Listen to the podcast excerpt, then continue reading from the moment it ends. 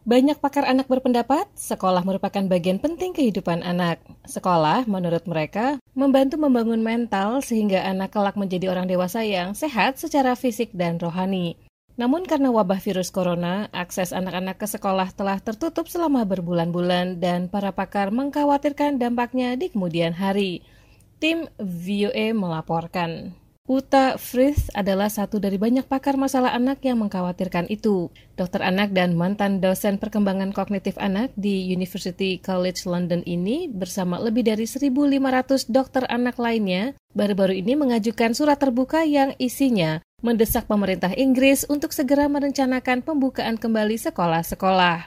Ia yakin Inggris melindungi mereka yang sakit dan lanjut usia dari bahaya virus corona dengan mengorbankan anak-anak dan orang muda. Ia bahkan mengatakan kebijakan yang diberlakukan selama pandemi merusak sebuah generasi. The, the children and their education and, and their fostering in general with, within their own peer group has been um, Kita mengharapkan ketangguhan dari generasi muda. Ketangguhan itu sendiri dibangun dan dibina oleh pendidikan yang sifatnya wajib alias sekolah. Sayangnya sekolah-sekolah ditutup untuk sementara selama pandemi. Ini luar biasa berbahaya. Frith tidak ingin berspekulasi mengenai kerugian psikologi yang dialami anak-anak yang terpaksa berhenti pergi ke sekolah selama berbulan-bulan dan mengikuti proses belajar secara daring. Yang menegaskan interaksi antara teman sebaya yang biasanya memang terjadi di sekolah sangat dibutuhkan anak-anak. Interaksi itu katanya mengajarkan anak-anak bagaimana menegosiasikan perselisihan antara sesama mereka dan membantu membangun ketangguhan diri saat menghadapi masa-masa sulit di masa depan.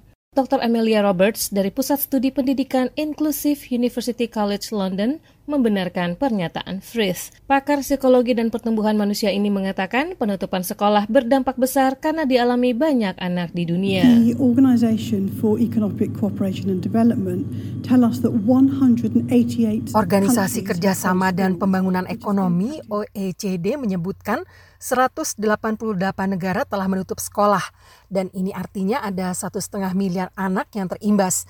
Bank Dunia mengatakan 70 juta orang akan terjerumus dalam kemiskinan parah akibat COVID-19.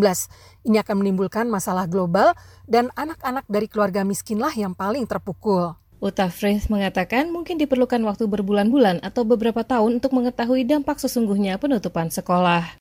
Namun katanya pemerintah harus siaga menghadapi kemungkinan itu.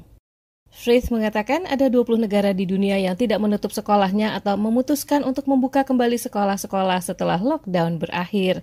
Ia berharap Inggris mengikuti jejak mereka agar masa depan anak-anak terselamatkan. Arif Budiman, Lea Johannes, VOA, Washington.